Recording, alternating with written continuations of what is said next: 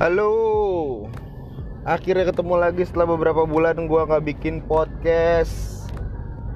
Setelah hampir lebih dari 10 bulan ya kali ya kayaknya. Gue lupa. Yang terakhir episodenya adalah uh, ketika waktu pertama kali gua uh, jalan-jalan ke Eropa.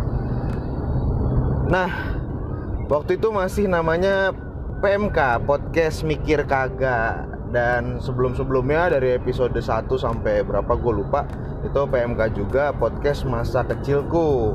Yang ceritain tentang eh, masa-masa uh, kecil gitu. Kalau podcast mikir kagak ya gue cerita lebih banyak ngobrol sama teman-teman gue atau saudara gue tentang masa kecil tentang pengalaman-pengalaman mereka.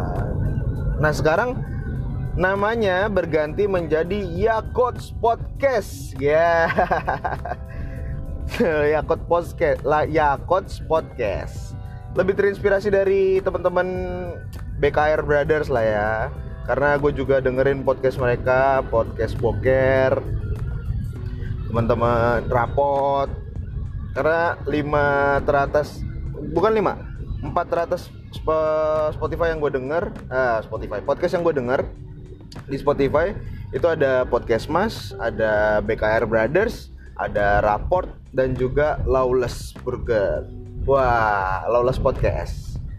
Itu inspirasi gue semua tuh untuk bikin podcast. Sebenarnya gue bikin podcast dari sebelum mereka ada, tapi uh, karena gue nggak terlalu banyak bisa berpikir, uh, eh nggak terlalu banyak action gitulah ya bukan terlalu nggak banyak, banyak bisa berpikir. Berpikir gue banyak tapi actionnya gue yang nggak ada. Jadi gue uh, lebih banyak mendengarkan mereka. Dan gue seneng banget kalau mereka lagi cerita cerita tentang apa yang mereka ceritain.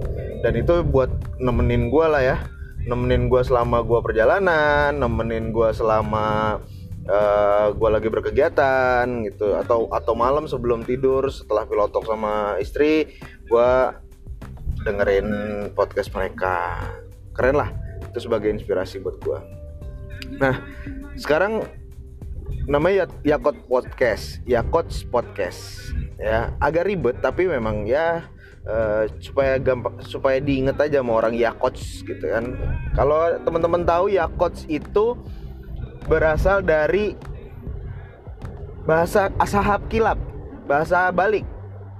Atau itu berlaku zaman dulu tahun 90 2000-an lah ya uh, asap kilap tuh bahasa yang dibalik. Jadi yakots itu dari tokai. Tokai bukan korek ya. Kalau korek emang ada tokai juga tapi bukan korek. Jadi ini dari kata tokai. Kenapa kok pakai nama tokai gitu? Karena gini yakot itu AKA gue atau uh, kalau di anak basket secara teman-teman juga tahu mungkin gue anak basket. Kalau di anak basket itu lebih uh, apalagi anak streetball ya anak streetball itu punya kayak sebutan atau alias gitu. Kayak kalau dari luar tuh ada uh, hot sauce ada sebentar gue bayar tol dulu.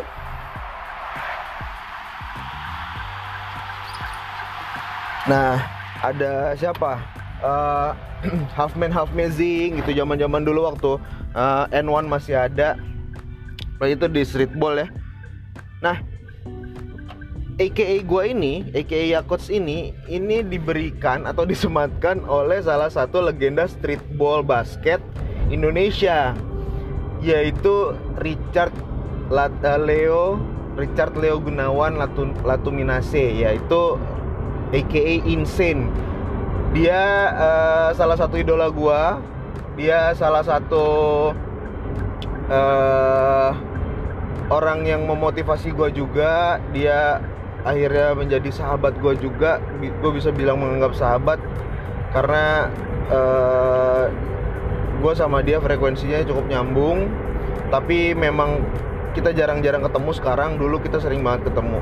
Jadi jadi ceritanya uh, eh, gue dulu tahun 2005 tahun 2005 itu gue seneng banget nonton kalau ada yang inget mungkin teman-teman anak-anak basket atau mungkin yang sering lihat uh, TV 7 dulu. Ada namanya LA Street Ball. Itu yang bikin uh, dari Jarum dari LA LA Streetball tahun 2005 itu ada finalis-finalisnya di mana si Richard Insane ini adalah salah satu finalisnya dan emang dialah yang uh, stylenya atau crossovernya atau uh, freestyle-nya itu keren banget.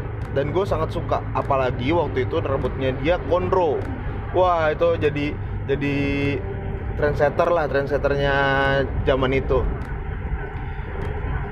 Gue nonton terus 2005 2006 sama teman-teman gue nonton dan gue mengidolakan dia. Sampai satu hari sampai suatu saat karena gue sudah sudah sangat cinta dengan dunia uh, event ya saat itu uh, gue suka bikin event walaupun gue masih SMA gue suka ikut uh, ikut-ikut dekor. Jadi gue suka dunia-dunia acara gitu. Gue cuma ngomong di pinggir lapangan sambil nonton dia main di final, di final. Gue cuma ngomong gini suatu saat gue bakalan bikin acara bareng-bareng sama dia. Nggak tahu gimana caranya pokoknya gue harus kenal dia dan gue bikin acara bareng-bareng sama dia itu 2005 berjalannya waktu ya gue udah nggak sadar. Gue juga udah udah udah lupa mungkin dengan dengan omongan gue itu dengan impian gue itu. Bahkan gue nontonin Insane pun uh, jarang gitu dari 2005 sampai tahun 2000 2016 kalau nggak salah. Atau 2015 2015 kalau nggak salah. Jadi tahun 2015 uh, eh, ada satu kejadian gue tuh latihan basket gue main basket bareng sama kantor gue yang lama di lapangan ABC Senayan. Lapangan ABC Senayan itu uh, ada A, B, C sama D. D-nya itu lapangan yang uh, cukup kecil daripada lapangan yang A, B sama C. Gue main di lapangan B.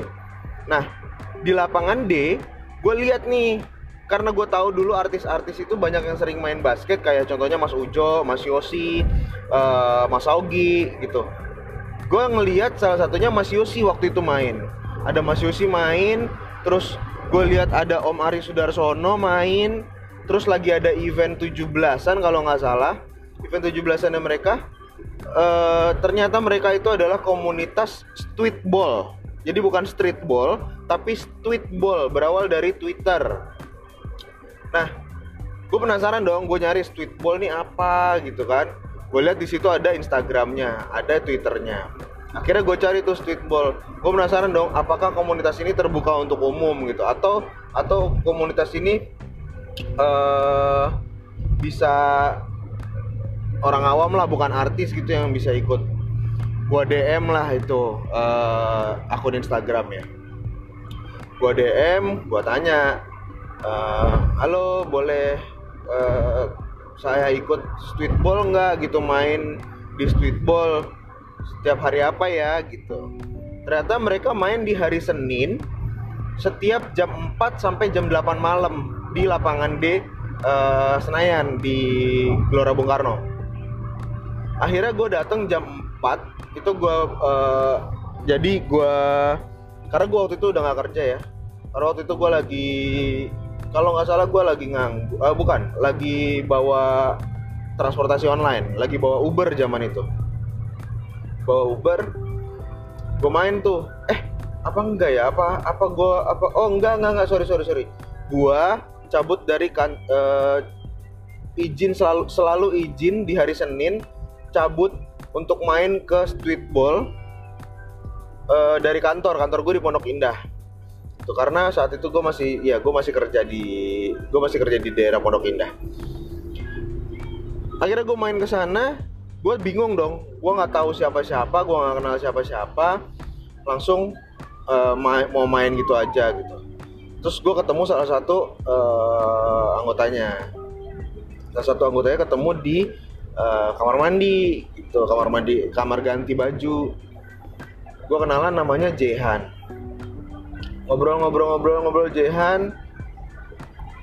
Dan ternyata gue baru baru tahu kalau dia itu adalah keyboardisnya uh, Tonight Show. Wah tuh gue seneng banget tuh bisa kenalan sama mereka sama Jehan. Terus pas gue masuk ke dalam lapangan ternyata gue ketemu sama kakak kelas gue yang emang jago banget basket waktu gue di SMP sama SMA jadi satu SMP satu SMA tuh. Tapi pas gue masuk SMP itu dia lulus. Begitu gue masuk SMA dia lulus. Tapi terkenal nih uh, nih orang gitu. Namanya Nando atau panggilannya dulu Atol. Tapi sekarang dia nggak mau dipanggil Atol. Nando namanya. Dan itu ternyata kakaknya teman gue sangkatan Noni. Nah ngobrol lah gue sama dia karena gue kenal banyak temennya. Dia sangkatan gue uh, ngobrol-ngobrol tentang SMP SMA segala macam ngobrol. Akhirnya nyambung gue aja jadi ada teman ngobrol. Dan gue lihat di situ memang rata-rata adalah uh, entertainment entertainer gitu. Ada yang penyanyi ada yang pemain musik ada yang MC ada yang stand up comedian. Dan di situ gue baru ketemu sama teman-teman stand up stand up comedian uh, di situ. Terus gak nyangkanya ternyata ibaratnya apa ya ketua gengnya lah gitu. Uh, founder founder komunitasnya lah. Ternyata adalah Richard Insane. Di mana gue begitu ketemu gue lu karena kan udah lama nggak udah lama nggak merhatiin ya. Terus jadi lupa. Terus gue gini ini kan Richard Insane. Wah gue bisa ketemu sama dia. Akhirnya kita ngobrol kita tukar-tukaran hand, uh, nomor handphone ngobrol di situ dan gue terlibat aktif di dalam komunitas itu gue seneng banget bisa ngobrol-ngobrol banyak sama Insane Insane uh, uh, ya bener-bener di situ menjadi inspirasi gue juga karena dia ide kreatifnya banyak banget, ide gilanya banyak banget, terus juga untuk uh, memaknai kehidupan ini keren banget. Dia salah satu motivator gua, uh, dia salah satu inspirasi gua untuk masalah konsistensi. Karena apa?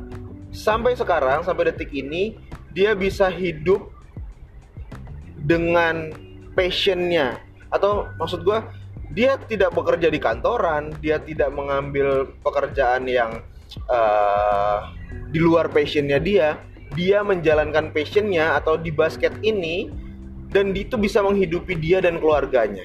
Itu keren banget buat gua karena konsistensinya dia, dia akhirnya bisa uh, sukses sampai sekarang di uh, dunianya dia. Dia bisa nge-MC olahraga dari dunia dari basket, dia bisa jadi juri, dia bisa jadi uh, motivator buat anak-anak basket. Gue sangat gue melihat dia benar-benar legenda streetball Indonesia. Bahkan bukan legenda streetball aja, tapi bisa dibilang uh, legenda motivator lah gitu. Karena dia tidak berbicara di TV apa uh, maksudnya bicara TV tentang motivasi enggak dia langsung terjun terjun langsung yang gue tahu dan gue pernah ngikut dia waktu di Bali itu datang ke lapangan-lapangan di perkampungan. Waktu di Bali datang ke daerah Ubud. Uh, dia datang hanya untuk ketemu teman-teman komunitas dan dia berbagi, benar-benar berbagi ilmu, berbagi uh, ber cerita, sharing dan segala macamnya untuk motivasi uh, teman-teman yang suka main basket. Itu keren banget menurut gua.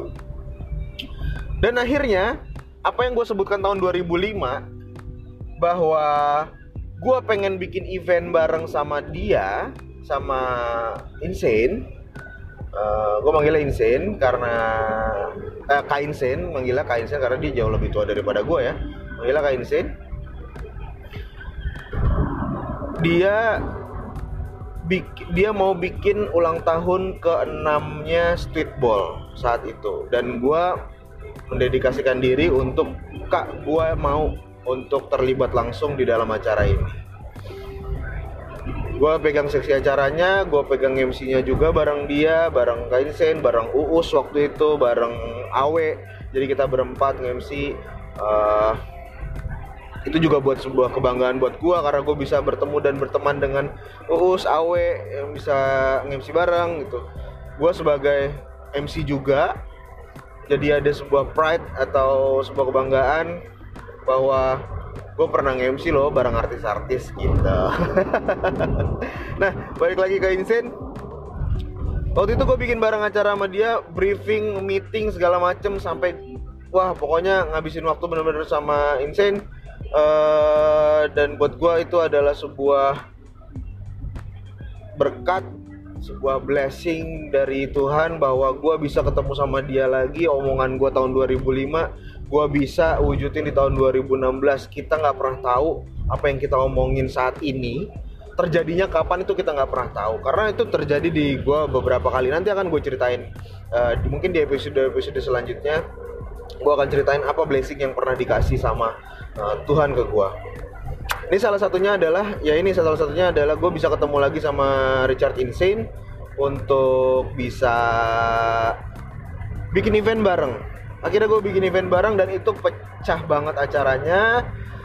Uh, bener-bener wah luar biasa deh yang datang juga banyak banget. Yang datang Jeflo terus Roy Ricardo Panji Pragiwaksono terus teman-teman dari uh, pelatih-pelatih basket teman-teman dari komunitas pokoknya semuanya. Ada yang lawyer ada yang uh, musisi ada yang pencipta lagu ada yang uh, penyanyi ada yang main musik. Ah pokoknya banyak deh entertainment di, entertainer di situ.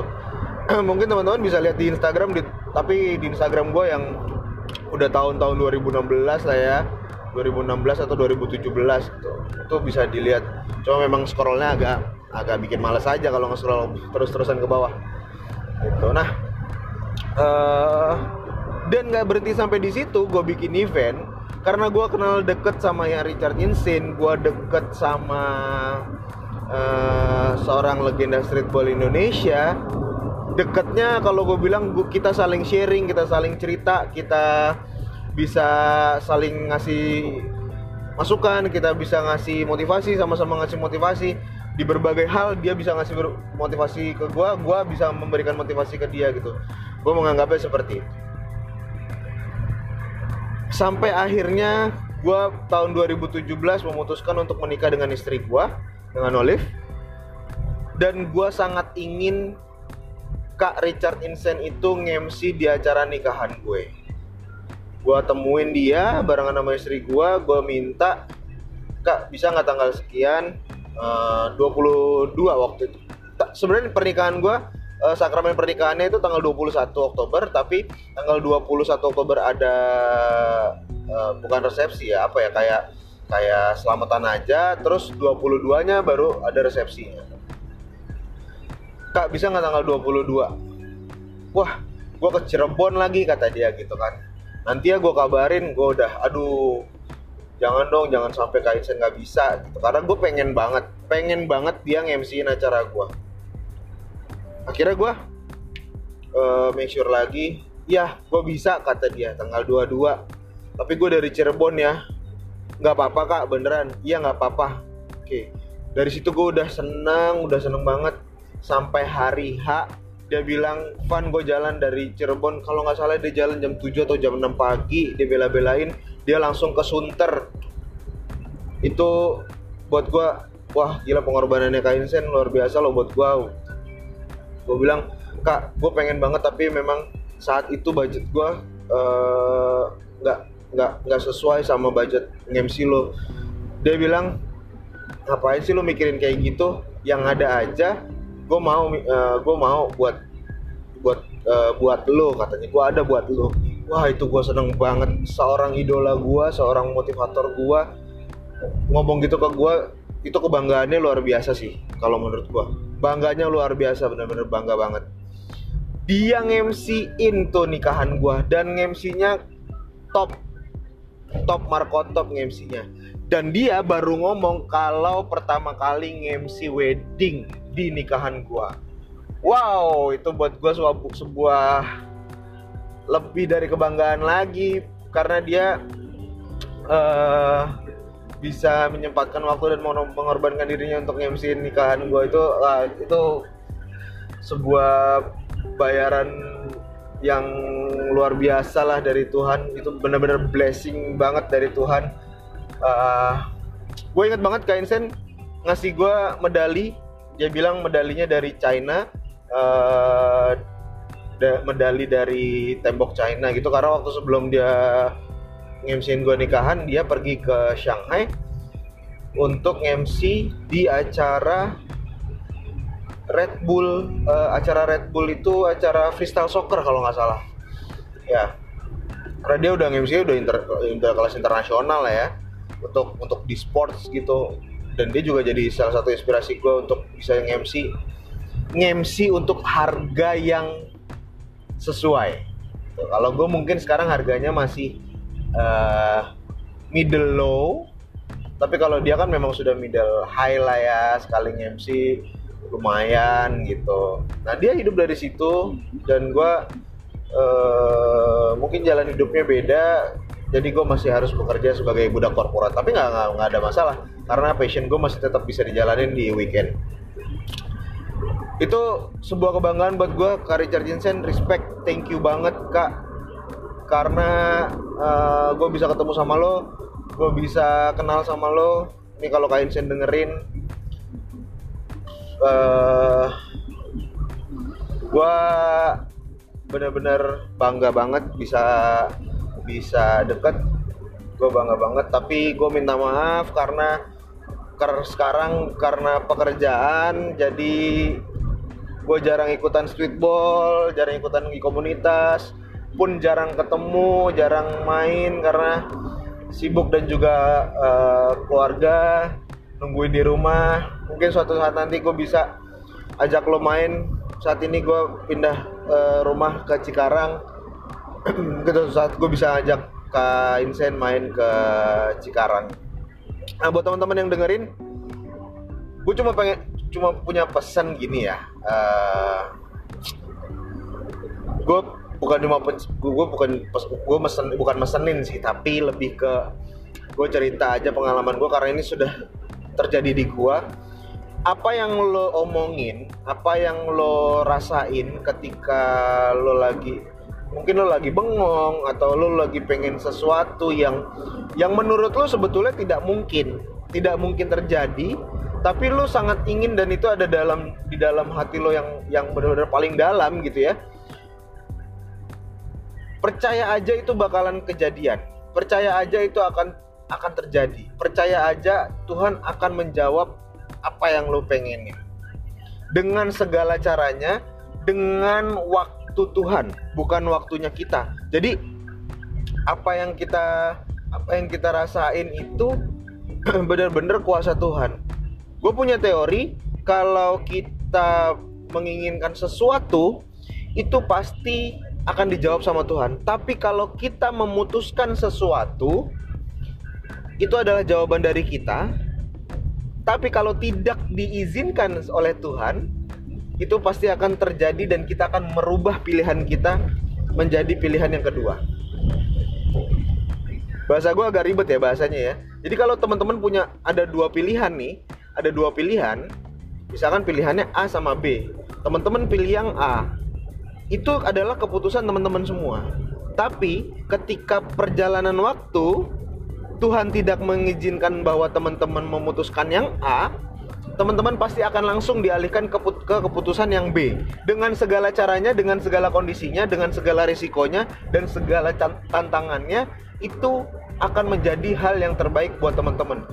Ini relate sama kejadian gue setiap tahunnya. Ini gue sudah ngalamin semua, makanya kenapa gue bisa berteori seperti itu. Teori ini gue dapetin ya dari dari dari pikiran gue sendiri gitu, dari apa yang gue alamin. Mungkin salah, tapi mungkin juga benar nggak ada yang tahu mungkin kalau teman-teman ada yang relate dengan uh, apa yang gue ucapin boleh di sharing ke Instagram Yakots Podcast Y A K O T S P O D C A S T. Boleh di sharingin sana atau di DM ke Yakots Podcast. Nanti gue akan uh, pasti gue akan respon dan juga gue akan uh, sharing lagi di podcast gue mungkin selanjutnya itu yang bisa gue ceritain pagi ini. Ini gue lagi dalam dalam uh, keberangkatan dari rumah. Saat ini gue masih di Cengkareng dan tapi nanti gue akan tinggal di Cikarang. Saat ini gue lagi perjalanan dari Cengkareng ke Cikarang untuk bekerja dari setengah enam pagi. Dan masuk gue jam 8 ya ini tiap paginya gue sekarang perjalanannya uh, lumayan lumayan memakan waktu tapi memakan tenaga juga. Tapi ya uh, untungnya bawa mobil gitu. Jadi jadi santai. Gitu. Ya gitu teman-teman. Pokoknya kalau lo punya idola atau lo punya uh, sosok sosok yang yang pengen banget lo temuin tapi lo pikir itu nggak mungkin pikirin. Dan selalu dipikirin. Karena karena apa? Karena pasti akan kejadian entah bagaimana caranya gitu. Jadi gitu aja pagi ini teman-teman. Terima kasih sudah mau dengerin. Gue berharap uh, gue tidak berharap banyak dari podcast ini. Apa maksudnya menghasilkan uang apa enggak? Enggak sama sekali. Karena gue cuma pengen cerita. Jujur gue orang yang jarang sekali cerita langsung ke orang lain. Walaupun pekerjaan gue sebagai uh, marketing yang ketemunya nggak selalu orang banyak tapi man to tapi gue jarang sekali untuk bisa bercerita tentang pribadi gue tapi gue nggak tahu kenapa lebih nyaman untuk cerita dengan podcast ini walaupun akan didengarkan banyak sekali orang. Tapi nggak masalah. Gue uh, seneng banget kalau misalkan teman-teman juga bisa ngerespon apa yang gue obrolin di podcast ini dengan komen atau DM di Instagramnya ya coach podcast Y A K O T S P O D C A S T. Kalau mau follow silahkan follow, nggak mau follow juga nggak apa-apa. Terima kasih, selamat pagi dan selamat mendengarkan semuanya. Tungguin lagi aja eh, episode-episode selanjutnya. Thank you banget dan salam damai juga buat semuanya. Thank you.